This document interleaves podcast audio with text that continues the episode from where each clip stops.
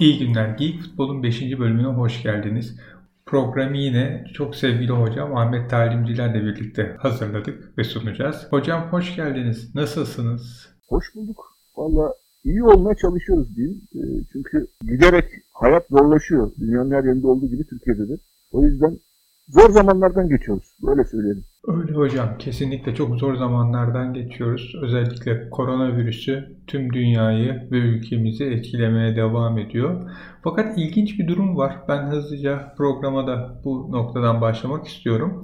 Normalde bizi dinleyenler bilir programa futbol kulübü başkanlarının olaylarıyla açılış yapardık ama bu hafta e, başkanlar herhalde gündeme gelmek istemedikleri için hiç olay çıkarmadılar. O yüzden ama farklı bir şey oldu. Geçen gün Finlandiya'da bir avukat arkadaşla birlikte yemek yerken bana şey dedi. Şu an Avrupa'da ertelenmeyen tek lig sizin liginiz. Sanırım yakın zamanda bütün dünya Türk yani bütün evet. Avrupa Türk ligini izleyecek. Hani Türk ligini yakından takip edecek. E, çok cesur kararlar veriyor bizim federasyon ama şunu merak ediyorum. Yani seyircisiz oynanması futbolculara hani tamam seyircisi olmayanmasının bir noktası var da e sonra diğer taraftan futbolculardan birinde çıksa ya da işte antrenörlerden birinde çıksa çünkü futbolcular sürekli iç içe temas ediyorlar. E orada e, şeyleri de var yani hakemler var, teknik heyet var. Ondan sonra giriş ve çıkışlarda başka hani bunların hiç sağlığı düşünmüyor mu? Yani siz ne düşünüyorsunuz bu konuda onu merak ediyorum. Şimdi aslında bu yap, arkadaşımızla yaptığımız e, görüşmedeki tespit çok ilginç bir tespit. Çünkü gerçekten de bugün e, Avrupa'da bizim ligimiz dışında oynatılan bu kadar cesur hamleler içerisinde e, karar alan başka federasyon yok herhalde. Bir, önce bunu e, ortaya koyalım. Ardından baktığımızda şöyle bir durum var. Şimdi biz geçen hafta konuştuğumuzu hatırlarsanız gelişmelerden bahsettik ve bu salı günü yapılacak olan yani dün e, gerçekleştirilecek olan UEFA toplantısında büyük bir ihtimalle erteleme geleceğini yani 2020 Avrupa Şampiyonası'nın erteleneceğinden bahsetmiştik. Ve biz bu süreç içerisinde buna bu, bundan hareket ederek lig karşılaşmalarının nasıl geçeceğini bir anlamda çünkü iki tane önemli karşılaşma vardı. E, ve diğer karşılaşmalarda hepsini birlikte e, değerlendirdiğimizde aslında e, ne çıkacağını açıkçası ben de çok merak ediyordum ve bu merakı kısmen geçen hafta dile getirdik. Ama şöyle bir süreç yaşandı. Şimdi tek tek bunlar üzerinden durarak gideyim. Çünkü arka arka iki tane yazı yazdım bu konuyla ilgili olarak. Evet ben de okudum hocam. Yani bu oynatılma meselesiyle ilgili olarak. Ee, başkaları da yazdılar. Ardından pazar gecesi Fatih Terim basın toplantısında konuştu. Muhtemelen ona da birazdan değiniriz. Şimdi şöyle bir durum söz konusu. Türkiye'de ligler oynanıyor ve oynandığı karşılaşmada taraftarların olduğu en son hafta yani bir önceki hafta 28 tane gol atılıyor. Geçen hafta ise taraftarsız oynanan e, 9 karşılaşmada ise sadece 14 gol atılıyor. Yani son derece kısıt, çekişmesiz, keyifsiz bir e, hafta sonu geçti maçlarla. Ben büyük çoğunluğunu izlemeye çalıştım. E, özellikle de işte iki tane karşılaşmayı, pardon, e, üç tane karşılaşmayı çok yakından takip ettim. Bir tane Fenerbahçe maçını da yakından izledim. O da çok enteresan bir karşılaşmaydı çünkü. Fenerbahçe sayfası geldiğinde muhtemelen ona da değiniriz. Şimdi bu karşılaşmaların her biri aslında gerçekten futbol dediğimiz bu dalının keyifli hale getiren en önemli unsur taraftar. Taraftar olmadan taraftarsız futbolun hiçbir keyfi yok. Yani orada e, ne futbolcular motive olabiliyorlar ne izlerken siz motive olabiliyorsunuz. E, bunların hiçbir sağlayamıyor.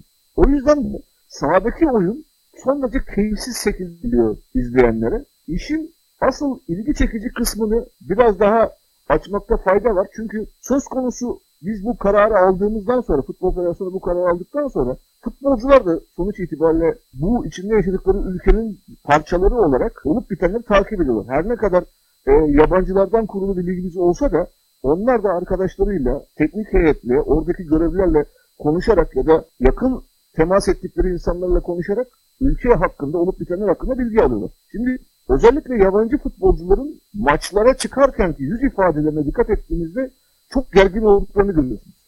Yani hakikaten o gerginlik o yüz ifadene sirayet ediyor. Ve ardından şöyle bir şey gerçekleşti. Mesela Obi Mikel, Trabzonsporlu futbolcunun sözleşmesi feshedildi. Bu ve buna benzer uygulamaların önümüzdeki süreçte devam edeceğini düşünüyorum ben. Yabancı futbolcular özellikle Türkiye'de kalmak, futbol oynamak istemeyebilirler. Böyle bir risk var. İşte Trabzonspor açısından yabancı futbolcusu sözleşmeyi feshetti. Yani yarın gün Trabzonspor diyelim ki şampiyonluğu kaçırdı. Belki de şey diyecek. Yani işte benim bir futbolcum gitti. Gitmese bir durum farklı olabilirdi gibi bir e, durumu ortaya koyabilir. Bu ihtimal orada duracak. Şimdi söz konusu uygulamayı hayata geçirdiğimizde benim için benim aklıma gelen ve asıl tartışıl tartışılması gereken iki tane nokta kalıyor geriye. Yani bütün ligler iptal edildiğinde UEFA e, pek çok organizasyonu ertelediğine göre o zaman geriye kalan iki tane ihtimalimiz var. Bu iki ihtimal üzerine daha fazla durum konuşmamız gerekiyor gibi geliyor bana. Bir, bahis meselesi. Yani arkadaşımızın söylediği sadece Türkiye'deki ligler oynanacak dediğiniz andan itibaren aynı zamanda şeyi de gündeme getiriyorsunuz. Avrupa'da sadece Türkiye'deki liglere bahis oynayabileceksiniz. Şimdi bu, ihtim- bu boyutunu da koyalım. Bir ikincisi de nakle yayın kuruluşun, yayıncı kuruluşun e, maçların ertelenmesini istememesi meselesi olabilir. Çünkü kayıplarıyla ilgili olarak sene başından bu yana bir takım gitgeller zaten yaşanıyordu. Şimdi böylesi bir durumda yayıncı kuruluş acaba nasıl bastırıyor ya da bastırmıyor bunu açıkçası çok iyi bilmiyoruz. Ama benim aklıma gelen bu iki boyutu var işin. Özellikle de bahis boyutu. Yani bahis firmasının bastırması gündemde olabilir. Ve futbol karşılaşmaları inadına oynanıyor. Çünkü burada olup bitenlere baktığınızda benim hakikaten dışarıdan bakan birisi olarak yani futbolun yılı takip eden birisi olarak gerçekten aklım almıyor. Yani oradaki insanların seyircisiz maç oynanması demek sorunu ortadan kaldırmıyorsunuz. Temas sporundan bahsediyorsunuz ve bu temas sporunda herhangi birine bulaştığı anda çünkü Avrupa'daki örneklerine bakın görüyoruz. Giderek artıyor vaka sayısı. Yani İtalya'da, İspanya'da, Avrupa'nın farklı ülkelerinde sporcular arasında da bu vaka sayısının arttığını görüyoruz. Yani herhangi birine bulaştığında bunun orada oynayan tüm takımlara bulaşma, hakeme bulaşma, orada görevli olan bütün güvenlik personeline bulaşma riski, teknik heyete bulaşma riski ortadan kalkmış değil. O yüzden de e, hakikaten çok ilginç görüntüler karşımıza çıkıyor. Yani tokalaşmıyorlar ama e, zaman zaman kafa kafaya çarpışıyorlar ya da birbirlerine dikleniyorlar. Bunları görüyorsunuz. Belki de burada söylememiz gereken önemli hususlardan bir tanesi Türkiye'de pek konuşulmayan bir şeyi de dile getireyim. İki gün önce İzmir'de Göztepe ile Çaykur Rizespor arasında bir erteleme maçı oynandı. Pardon dün oynandı özür dilerim. Maç oynandı. E, maçın bitiminde bir sahne benim dikkatimi çekti. Bunu burada özellikle söylemek istiyorum. Mesela maçın bitiminde e, Göztepe'li Deniz Kada çimlere çöktü. Yani galibiyet sevincini bir taraftan yaşarken sonra çok ilginç bir hareket yaptı. Çime doğru döndü ve çimleri öptü. Şimdi hemen aklıma gelen bir şeyi söyleyeyim. Türkiye'de e, zaman zaman bazı futbolcuların yaptığı, mesela Dembaba'nın yaptığı başka e, futbolcular da var böyle. Secdeye kapanarak gol attıktan sonra biliyorsunuz şeyi yapıyorlar, çimleri yapıyorlar. Ama Covid 19 ile ilgili olarak, koronavirüsü ile ilgili olarak en çok konuşulması gereken şeylerden bir tanesini biliyorsunuz tükürük olduğu gerçeği ortada. Hocam hatta bu maskelerin de hastalar tarafından bu yüzden takılması isteniyor. Yani sağlıklı kişiler takmasın, hastalar taksın. Onların öksürüklerinde, hapşuruklarında herhangi bir mikrop çevreye saçılmasın. Hani çevredekilere bulaşmasın diye. Bakın tam da bu tam da bu yüzden söylüyorum işte. Mesela biliyorsunuz futbol karşılaşmalarında futbolcular sık sık tükürürler. Sık sık tükürürler hem de.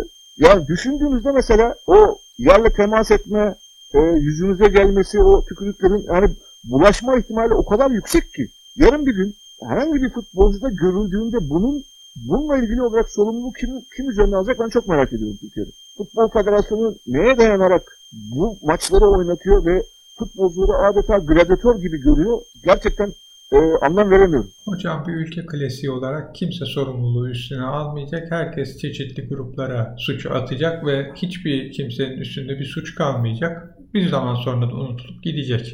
Doğru haklısınız ama göz göre göre de bir şeylerin gelmesini e, gelmesi karşısında insanların artık daha farklı hareket etmesi gerekiyor. Yani anlaşılır gibi değil. Bu böyle olmamalı ama Türkiye'de ısrarla böyle gerçekleşiyor. E, Türkiye'yi zaten e, geçen hafta da kısmen e, geçtiğimiz iki hafta boyunca da konuştuğumuz bir durum bu. Yani sizin kültürünüz, sizin futbolunuza da, sizin spor anlayışınıza da yansıyor. Türkiye'de hiç kimse yapıp ettiklerinin karşılığında bunun sorumluluğunu almaz. Ödülü alırsınız ama cezayı kimse kabul etmez. Böyle bir gündemimiz vardır bizim. Böyle bir anlayışımız vardır. Bunu spor sağlığında da görürsünüz. Ve spor sağlığında da dediğimiz gibi kimse bununla ilgili olarak elini taşın altına koymayacaktır. Haklısınız. Hocam bir de şöyle bir durum var. Geçen de doktor arkadaşım bana bir rapor gönderdi. Güney Kore şu an koronavirüsle ilgili olarak en fazla testi yapan ülkelerden biri ve Güney Kore hani hastalık semptomu gösterenlerin hemen test yapıyor, devlet ödüyor. Ertesi günde hani koronavirüsüne yakalanmış yakalamamış söyleniyor. Şablonda şu çıkıyor 20 ile 30 yaş arası en fazla virüse yakalanan fakat bunu en az gösteren yaş grubu yani 20-30 yaş esasında dağıtıcı 20-30 yaşta uzak durun diyorlar ve bizim futbolcularımızın da esasında baktığınızda yaşları 20-30 arası çoğunlukla yani bu çocukların çoğunda bu koronavirüs olabilir ve bunlar evet. fark etmeseler bile çevreye en fazla yayan grubun içindeler. Doğru, doğru.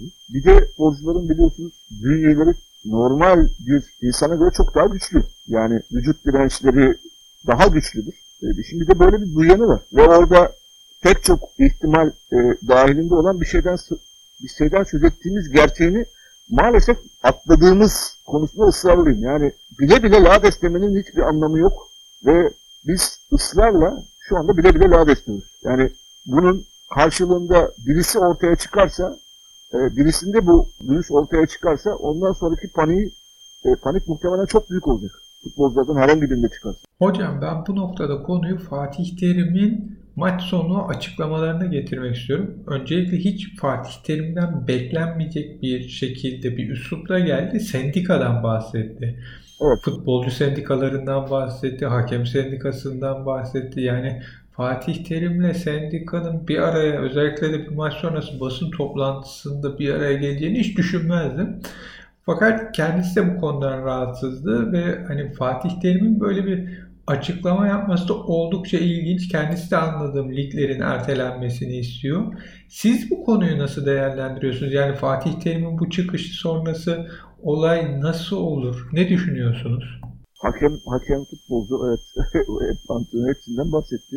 Ya şimdi aslında sendika dediğimizde tabii futbol ve futbol sendikası deyince e, bir e, metin kurtu e, anmamız gerekir. Türkiye'de futbolcuların sendikal hareket içerisinde olması gerektiği konusunda bayrağı açan ve arkadaşlarına yol gösteren e, kişidir. Ve burada e, biliyorsunuz e, Galatasaray'dan e, uzaklaştırılması işte Kayseri Spor'a gitmesi gerçekleşir. Ve pek çok şey olur. E, çünkü e, Metin Kurt hakikaten çok farklı bir futbolcu profili. Futbolu bıraktıktan sonra da o farklılığı zaten hep devam ettiren bir isim. Ama ilginç olan husus şudur. E, yani Fatih Terim, e, sendikadan bahseden Fatih Terim de o Metin Kurt'la e, dönemlere yakındır. Yani biraz, biraz sonrasındadır ama çok da uzak değillerdir araları. E, yani o dönemleri bilir. Ve Türkiye'de çok az sayıda futbolcu bu sendikal hareket içerisinde yer alır. İşte bir diğer isim, onu da analım. E, Kemalettin Şentürk Fenerbahçe'de Kemalettin de zaten hocam Fenerbahçe'den bir gazetede ilanda çıkan isminden sonra uzaklaştırılmıştır ama benim en son hatırladığım Müjdat Yetkiner geçen Ali Koç tarafından görevden alındıktan sonra bir açıklama yapmıştı. Kemalettin'le birlikte kahve içerken telefon geldi diye. Sanırım Kemalettin en azından Metin Kurt'tan farklı olarak Fenerbahçe'ye geri döndü. Evet.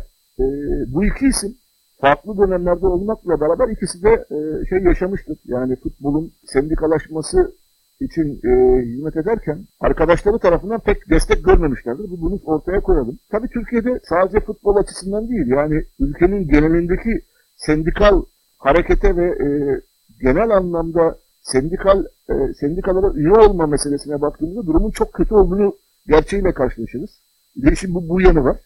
E, yani durum sadece futbolcular açısından kötü değil. Ülkenin genelinde o işçi, emekçi, memur hareketi açısından da ortada yok. Onu da söyleyelim. Ama futbolcu açısından tabii şöyle bir handikap var.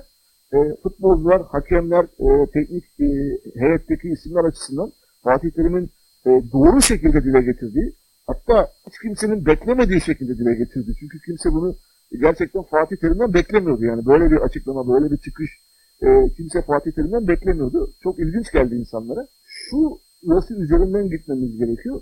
Şimdi Yine bir hatırlatma anlamında söyleyeyim. Biliyorsunuz bu İstanbul'da e, pardon Trabzonspor'daki başkan eski başkanlardan Acı Osmanoğlu bir maç sonrasında hakemin kilitlenmesini e, ve bekleyin ben gelinceye kadar çıkartmayın e, odayı, odaya kilitlenmesini ve e, kendisi İstanbul'dan Trabzon'a gelinceye kadar da çıkartılmamasını talebinde bulunmuştu. Ardından da işte saydığım bir büyüm aradı, kıramayacağım bir büyüm aradı ve ben de salı verilmesini e, söyledim. Şimdi o dönemde ben e, bu olay sonrasında bir yazı yazmıştım. Demiştim ki e, Türkiye'de hakemler böyle bir olay olduktan sonra bile e, ya bir, bir dakikalık e, toplu anlamda bir eylem yapamadılar. Çünkü e, o dönemde hakem derneğinin hakemlerin başında olan Kudüs'ü e, Müftüoğlu'nun şöyle bir açıklaması vardı. Ortalık gergin, e, protesto gereksiz. Aynen ifade buydu. Ortam gergin, protesto gereksiz. O yüzden herhangi bir şey yapmayacağız. Şimdi ben de ardından şunu demiştim. Yani hakemler çok önemli bir fırsatı ellerinin tersiyle teptiler ve bundan sonra başlarına gelecek olan her türlü şeye de bir anlamda kabul etmiş oldular. Şimdi bu hakemler için e, söylenecek bir şey.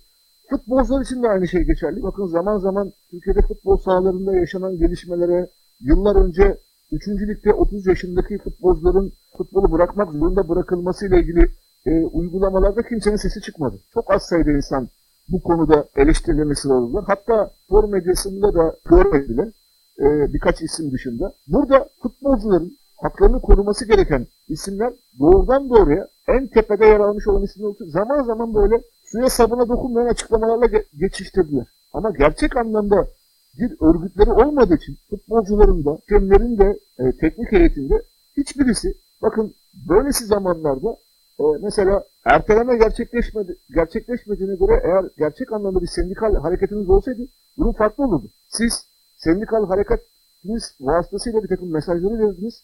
Biz şu şu şu gerekçelerle oynamak istemiyoruz derdiniz ve bunları ortaya koyardınız.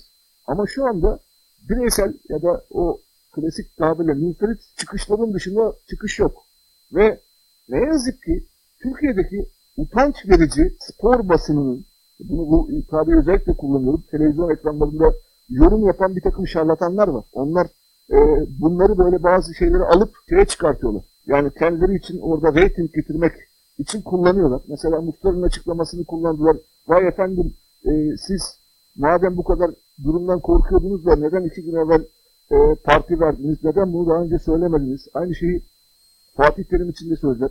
Yani gerçekten Türkiye'de futbol anlamında eğer biz bir yerlere geleceksek burada bu futbol basınıyla, futbol medyasıyla gelemeyeceğimizi ben daha evvel de zaten söylemiştim. Onları zaten çıkartmamız gerekiyor.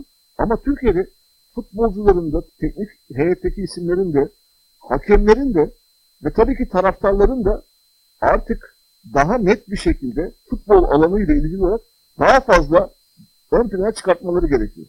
Ve bu noktada da özellikle bu karşılaşmaların ertelenmesi konusunda daha fazla bastırmaları gerektiğini söyleyebilirim. Şimdi hocam ben genelde Amerika'dan örnek veriyor gibi oluyorum ama orada kaldığım, yaşadığım ve aradaki farkları da iyi gördüğüm için rahatlıkla söyleyebiliyorum. Ben 2008 yılında bu Obama'nın ilk başkan seçildiği zaman işte o başkanlık yarışı öncesi McCain'le yarışırken Pittsburgh Tribune gazetesindeydim ve işte oraya seçilmiştim. Orada haber yapıyordum, konuşuyorduk. Bayağı da işte güzel sohbetler oldu. Hala da görüşürüz.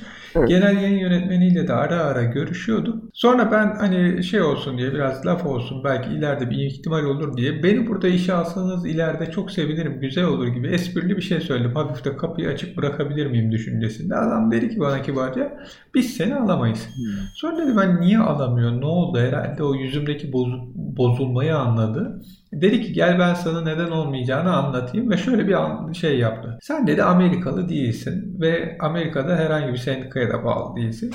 Doğal olarak ben seni aldığım zaman gazeteciler sendikası niye Amerikalı bir gazeteciyi, işsiz bir gazeteciyi değil de bu kişiyi aldın diye bana sorar. Evet. Ben bunu açıklayamazsam şu an bu gazetenin içinde gördüğün kimse bir çalışmaz çünkü sendika çalışmayın der ve biz gazeteyi çıkaramayız. Ha, gazeteyi çıkardık diyelim matbaadakilerin sendikası onlara gazeteyi basmayın der.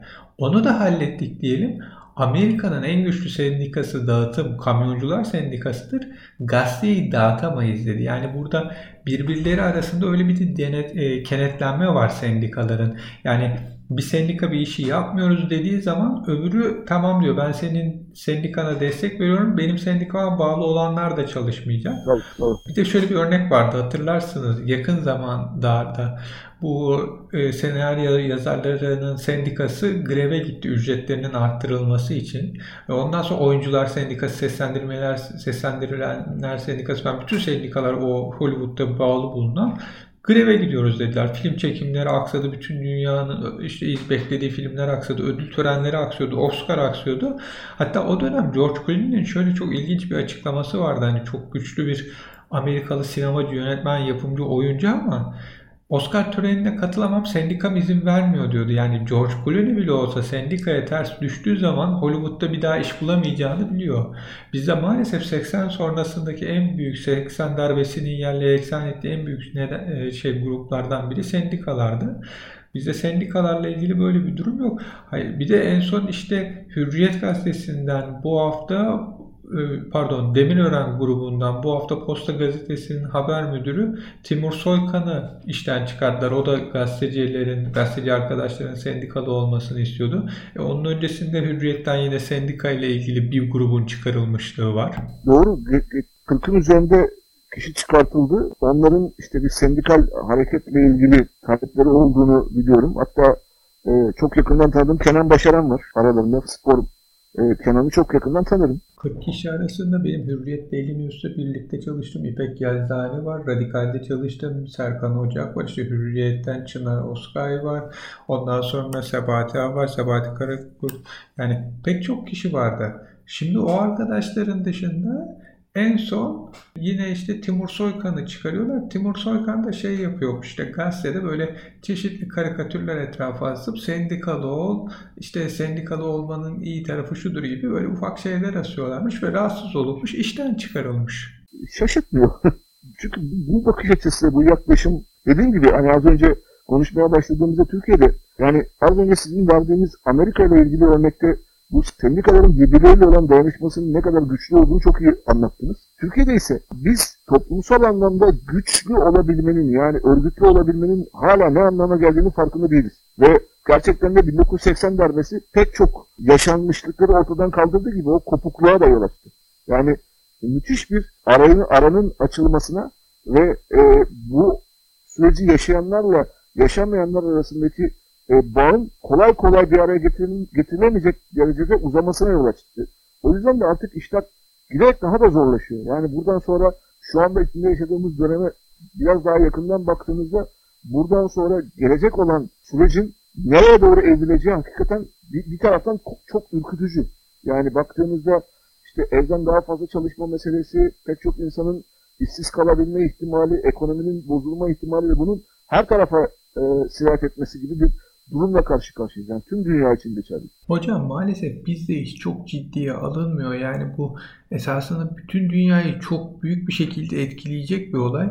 Evet. Ama hani pek çok yerde bakıyorsunuz insanlar hala sokaklarda yani kimseyi dinlemiyorlar, kimseyi etmiyorlar. E ondan sonra da hani bu bak böyle seni hastalanırsın böyle başına bir şeyler gelir falan deyince dinlemiyor ama bu sadece toplumumuz değil üst kesimde de var. Yani yöneticilerin daha biraz daha radikal kararlar alması gerekiyor. Yani şimdi sen eğer seyircisiz oynayacağım dersen e, ve ondan sonra da futbolcuları sahaya çıkarırsan e, o zaman işte insanlar da parka gider, mangal yapar, başka şeyler yapar. Niye? E, oradaki işte futbolcular sadece taraftar yok. E, benim de çevremde insan yok, aile dostlarımdayım, mangal yapıyorum der. Yani dilerim Futbol Federasyonu en kısa sürede bu yanlış kararından geri döner ve ligleri tatil eder haklısınız. E, umarım kısa sürede vazgeçer ama şunu da belirtmek lazım. Mesela Fatih Terim'in çıkışı arkasında tabii insanlar şunu da belirtler. Ya yani mesela keşke bu e, lafları puan kaybetmeden evvel söyleseydiniz gibi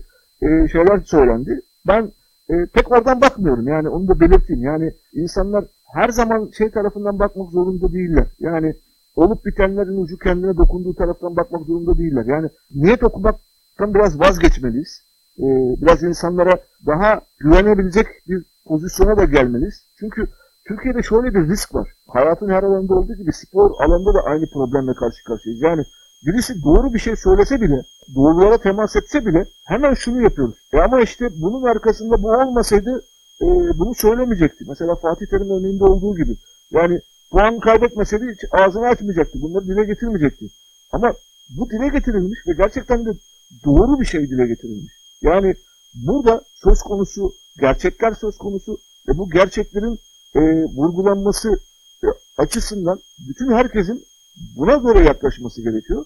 Ama mesela Fatih Terim bu açıklamayı yaparken Sergen Yalçın sanki başka bir dünyada yaşamış gibi işte biz işte ertelemeyle ilgili bir şey yapamayız. Seyircisiz oynayacaksa seyircisiz oynarız. Yani hiçbir şekilde bir şey söylemeyen, ucundan kıyısından suya sabuna dokunmayan bir açıklama yaptı. Maçı değerlendirdi. Hocam çok güzel bir şeye değindiniz. Niyet okumak. Bizim toplumun en büyük sorunlarından bu niyet okumak. Yani düzgün bir şey söylense de altında bir şey aramak. Yani o işte öküzün altında buzağı arama durumu bizde çok yaygın.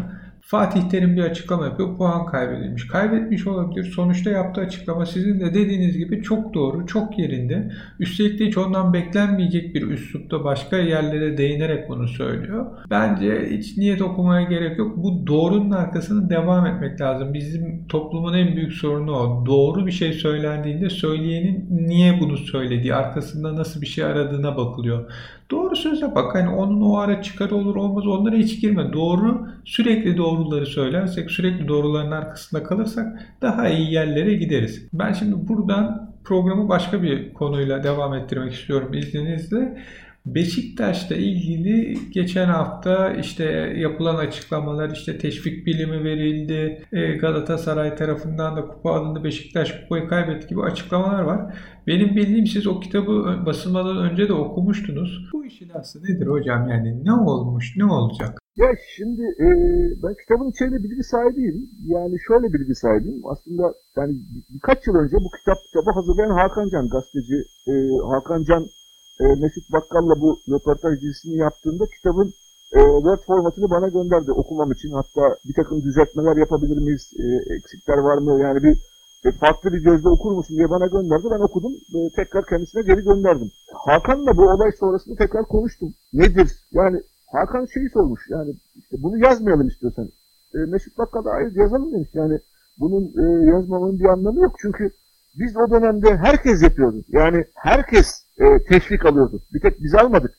O dönemde e, teşvik almayan futbolcu yoktu ifadesini kullanıyor. Gerçekten de e, o dönemde teşvik birimi almak, vermek suç değil. Şimdi Beşiktaş yönetim hukuk grubu e, böyle bir e, bildiri yayınlamayı tabii şeyden ister istemez Twitter üzerinden tepkiler geldikçe bir anlamda taraftarların e, o tepkisini azaltmak için de böyle bir başvuruda bulundu ama şimdi onlar da şunu gayet iyi biliyorlar. Yani hukukçu hukukçular hazırladıkları metin sonrasında kendilerine e, şampiyonluğun verilmeyeceğini gayet iyi biliyorlar. Çünkü Mesut Bakkal'ın açıklama yapmış olduğu 1986 yılında Türkiye'de teşvik almak ya da teşvik vermekle ilgili bir suç yok. Yani yasal bir madde yok. Bu madde ne zaman giriyor? 1990'ların sonunda ilk kez telaffuz ediliyor ve biz asıl şekillen, şekillenmesini ise 14 Nisan 2011 tarihinde 62-22 sayılı yasayla görüyoruz. Hani o şike sürecine e, kaynaklık teşkil edecek yasayla görüyoruz. Ve bundan öncesi e, olan hiçbir olay e, geri doğrudan işletilemez. Şimdi mesela e, bizi dinleyenlere örnek açısından şunu söyleyeyim.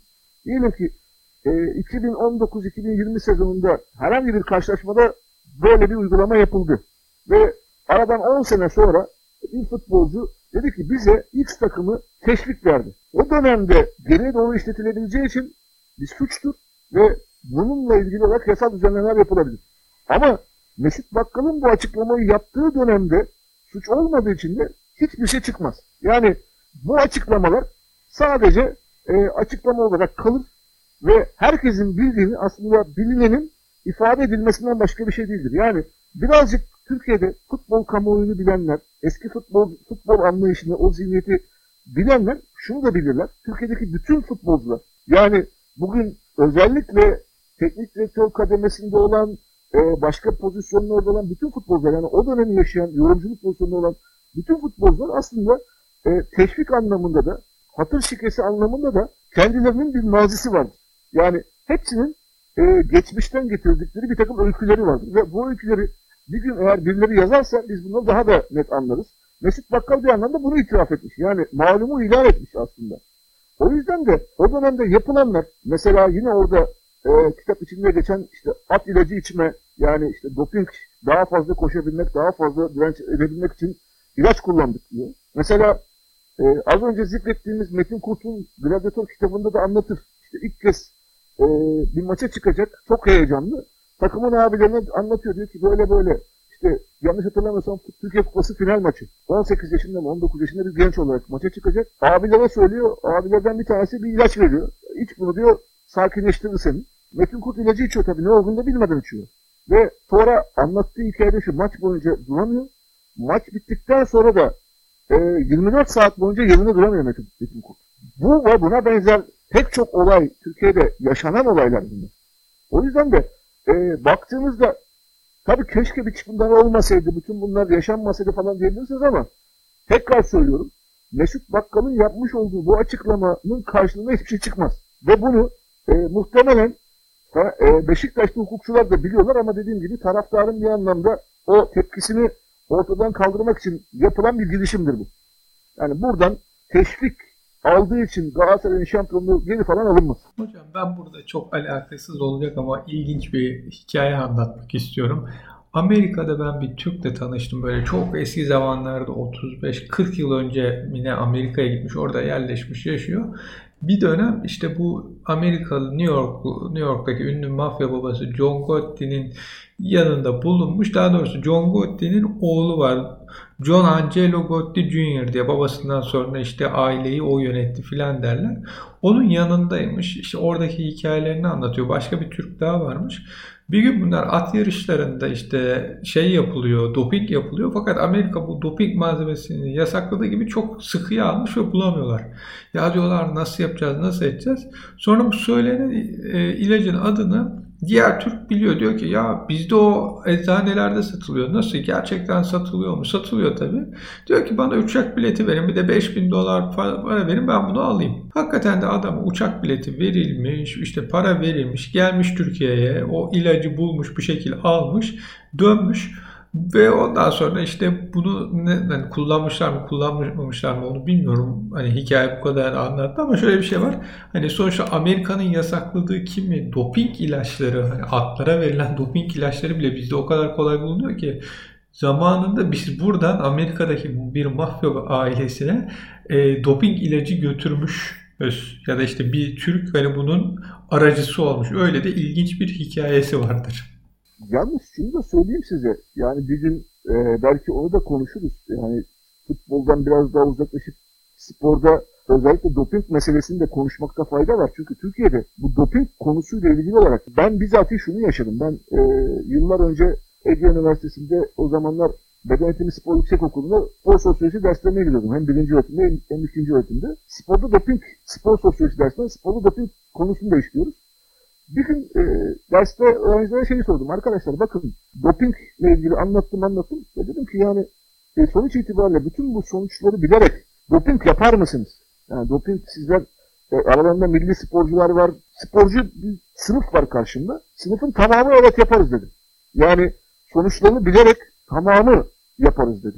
Ve bu hem birinci öğretimde hem ikinci öğretimde 80-90 tane öğrenciden e, birkaç yıl boyunca aldığım yani sayının arttığını görüyoruz. Bir durumdu. Yani Türkiye'de spor yapan, sporcu olarak yetişen bu çocukların, bu gençlerin ve tabii ki elit sporcuların dopingle kurdukları ilişkinin çok tuhaf olduğu gerçeğini unutmamamız gerekiyor. Ve pek çok tanıdığım eski sporcu var. Hala hazırda şey çekiyorlar.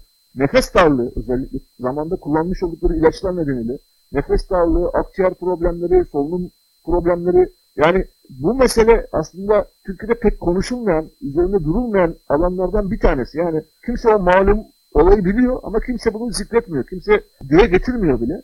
E, tıpkı bu teşvik olayında olduğu gibi. Yani Türkiye'nin bu doping konusunda da gerçekten üzerinde fazlasıyla durması gerektiği kanaatindeyim. E, üzerinde pek e, konuşmuyoruz bile. Hocam o zaman şöyle yapalım. Haftaya biz programda sporda dopingi konuşalım. Tabii bununla birlikte ödülleri de konuşmak lazım. Ödüller bu kadar büyük olunca sporcular doğal olarak doping de yapmayı gözü karartıp doping de yapmayı kabul ediyorlar. Ha tabii tabii onu onu onu tabii haklısınız.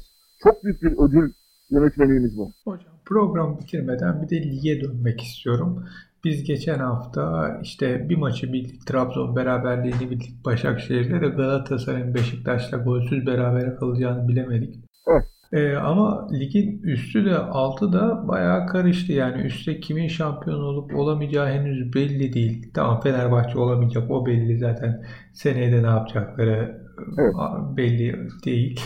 Ama alt taraf da kızışıyor. Önce bir hani yani ligin gidişatı nedir? Ne olacak? Bu çok heyecan verici noktalara da geldi. Bence aşağısı daha çok kızışıyor. Aşağıdaki mücadelenin ben çok daha fazla kızışacağını düşünüyorum. Ee, yukarıda ise şöyle söyleyebilirim. Yani biz bir hafta önce seyretmiş olduğum Sivas Spor Galatasaray maçındaki Galatasaray sahada ilk 45 dakika hiç yoktu. Yani burada da mesela e, maç sonunda konuşan Fatih Terim'in yanlış tercihlerini de dile getirmemiz lazım. Bazı spor yazarları dile getirdiler ama kötü bir Galatasaray vardı. Bir de e, kötü Galatasaray kadar Galatasaray'ı iyi analiz etmiş ve Galatasaray'ın iki kanadını kapatan bir Beşiktaş savunması vardı. Olayı biraz o taraftan da bakmamız lazım. Yani Galatasaray'ın gidişatını engellediği için de maç daha farklı bir yere geldi. Hatta maçta kolay kolay gol olmayacağı ortadaydı. Hakikaten de olmadı zaten. Ama Trabzonspor karşılaşmasıyla ilgili olarak da benzer e, düşünceler içerisindeyim. Asıl Fenerbahçe'ye geldiğimizde ise ben çok şaşırıyorum. Yani maçın tamamını seyrettim ve çok kötü olan e, yani kendi pozisyonunun çok aşağısında bir futbol oynayan e, ve adeta birbirleriyle hiç uyumu olmayan bir takım var sahada. Bu çok enteresan bir durum. Yani kaleye şut atamayan, son yarım saat 10 kişi oynayan, son 20-22 dakika 9 kişi oynayan bir takıma karşı e, doğru hücum edemeyen bir takım var. Bu çok yani e, akıl alır gibi bir durum değil Fenerbahçe açısından. Fenerbahçe gibi bir takım açısından. Çünkü yani karşınızdaki rakibin 10 kişi kaldıktan sonra e, diyorum ki artık Fenerbahçe herhalde daha fazla gelir, daha fazla akıl yapar. Bakıyorum hayır olmadı. 9 kişi kaldı gene olmadı. Eğer Konya Spor biraz daha farklı bir takım olsaydı durum başka türlü olabilirdi. Burada tabii şunu da konuşmak lazım. Türkiye'deki futbol mantalitesinde şöyle bir tuhaflık var. Çok klasiktir biliyorsunuz. Maçın sonları geldiğinde doldur boşalt denilen bir sistemimiz vardır bizim. Yani defansın arkasına havadan top sarkıtmaya çalışılır. Evet, doldur boşalt. Başka bir şey yoktur. Yani e, sağdan soldan orta yapılır ve öyle yüksek toplarla gol bulmaya çalışılır. Fenerbahçe maçında da aynı şey oldu. E, Galatasaray maçında da aynısı oldu. Diğerlerinde hepsinde aynı şey oluyor. Yani bizim böyle bir B planımız yoktur. Yani B, B planımız olmadığı için de tabii e, yine bu kültürle bağlantılı. Bizim kervan yolda düzülür mantığı içerisinde yetişen bir kültürden geldiğimiz için biz olan olur, o olay sonrasında tepkimizi gösteririz. E, halbuki az önce sizin anlattığınız Amerika örneğinde olduğu gibi yani B, C, D, E şıkları gibi farklı varyasyonlarımız bizde hiçbir zaman olmaz. O yüzden de e, bu bizim futbolumuza da yansıyor. Futbolumuz da böyle. Ama Fenerbahçe açısından yani her geçen gün işler daha da kötüye, kötüye gidiyor. Ve e, bu kötü gidiş eğer böyle sürerse çünkü Fenerbahçe'nin şimdi eğer maçlar seyircisiz oynanmaya devam ederse oynanacak olan karşılaşmada mesela bu hafta Kadıköy'de oynanacak olan karşılaşmada alınabilecek olası bir çünkü yanlış hatırlamıyorsam Kayseri Spor'la mı? E, öyle bir... Evet Kayseri Spor'la oynayacak hocam. E şimdi Kayseri Spor'un durumu çok son derece kritik. Yani 22 puanımız var. Ve yani galip gelemeseniz bile en azından mağlup olmamanız lazım. En azından bir beraberlik alıp yola devam etmeniz için beraberlik çok önemli. Mağlup olursanız çünkü fark açılacak. E, o açıdan da Fenerbahçe için zor bir maç olacak. Bu, bu hafta da zor olacak. Yani bu hafta da kendi saha, sahasında mağlup olduğunu düşünün. E, tartışma giderek artar. Yani Ali Koç'un e, bir anlamda altındaki zemin de kayıyor. Bunu da söylemek lazım. Yani Ali Koç'a o sonsuz kredi veren taraftar e, camia elde edilen başarısızlıklar sonrasında giderek yani yavaş yavaş böyle e, homurdanmalar başladı. Ve bu mesela bu hafta Kayseri'de yenilirse Fenerbahçe ya da puan kaybederse daha da artacak. Bu hafta Konya karşısında Fenerbahçe yok gibiydi. Yani 9 kişi kalmış takıma bir şut kaleyi çerçeveyi bulan bir şut atamamışsınız.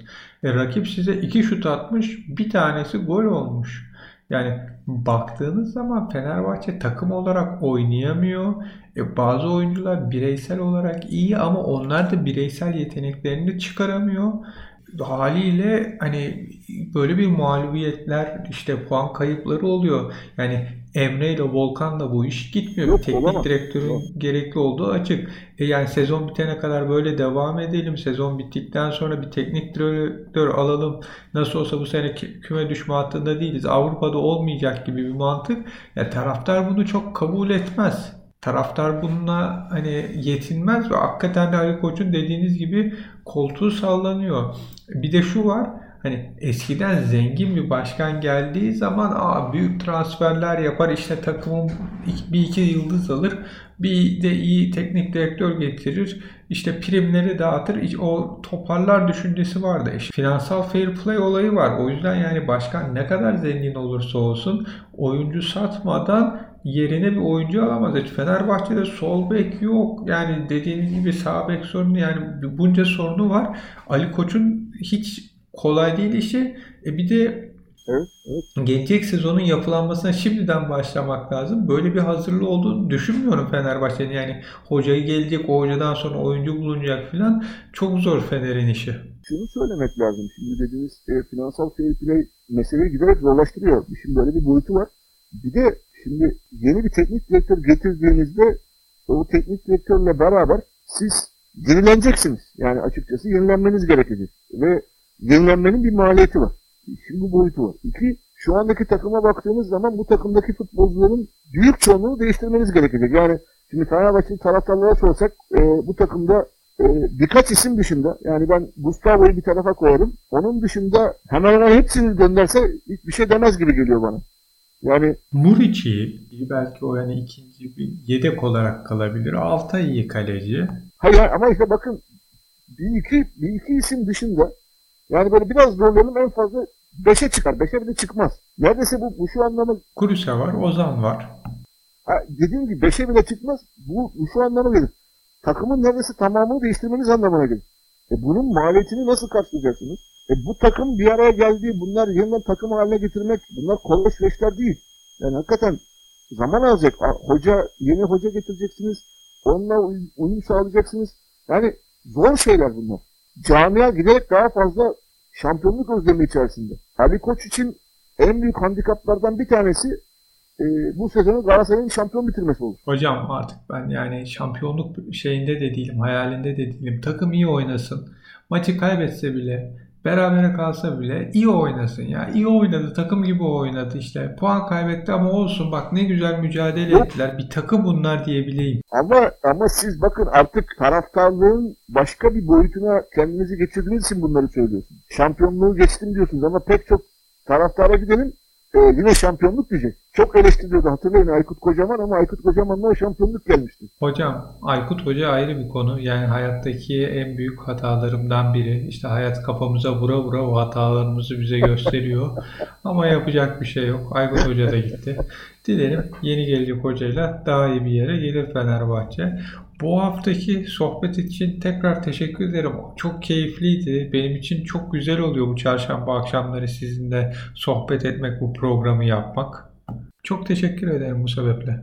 Rica ederim. Valla benim açımdan da keyifli oluyor. Onu, onu belirteyim. Yani hem gündemi konuşmak hem de gündemle beraber ülkeye dair, dünyaya dair sözler etmek bence bence son derece önemli. Ama tabii yine şunu belirtelim. Bu pozisyonda artık Türkiye'de liglerin oynanmaması gerektiğini, ertelenmesi gerektiğini nin altını bir, bir kez daha çizelim. Yani Türkiye'deki futbolcuların da aileleri var. Bu insanların da canları var. ve Onlar da kıymetli.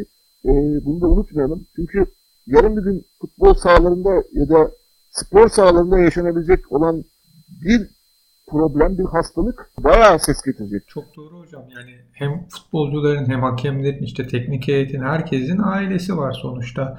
Onların da onların da bir annesi babası var. Yani hepsini düşünmesi gerekiyor Futbol Federasyonu'nun. Biz buradan Geyik Futbol olarak federasyonun ligi seyircisiz devam ettirme kararına karşı olduğumuzu bir kere daha söyleyelim ve liglerin tatil edilmesini istediğimizi belirtelim. Kesinlikle. Hocam program için tekrar teşekkür ederim. Rica ederim. Sevgili dinleyiciler, Geek Futbol'un bir bölümünün daha sonuna geldik. Bizi dinlediğiniz için çok teşekkür ederiz. Yayınlarımızı Spotify üzerinden, Apple'ın bir telefonunu ya da tabletini kullanıyorsanız podcast application'ına Geekgiller yazarak Android temelli bir cep telefonu ya da tablet kullanıyorsanız yine podcast application'ına Geekgiller yazarak dinleyebilirsiniz. Facebook ve Twitter adreslerimizden bizi takip edebilirsiniz, yorum yazabilirsiniz, yayınlarımızı paylaşıp beğenebilirsiniz. Bize ulaşmak isterseniz mail adresimizde geekgiller.gmail.com Gelecek programda görüşmek dileğiyle hoşçakalın. İyi haftalar.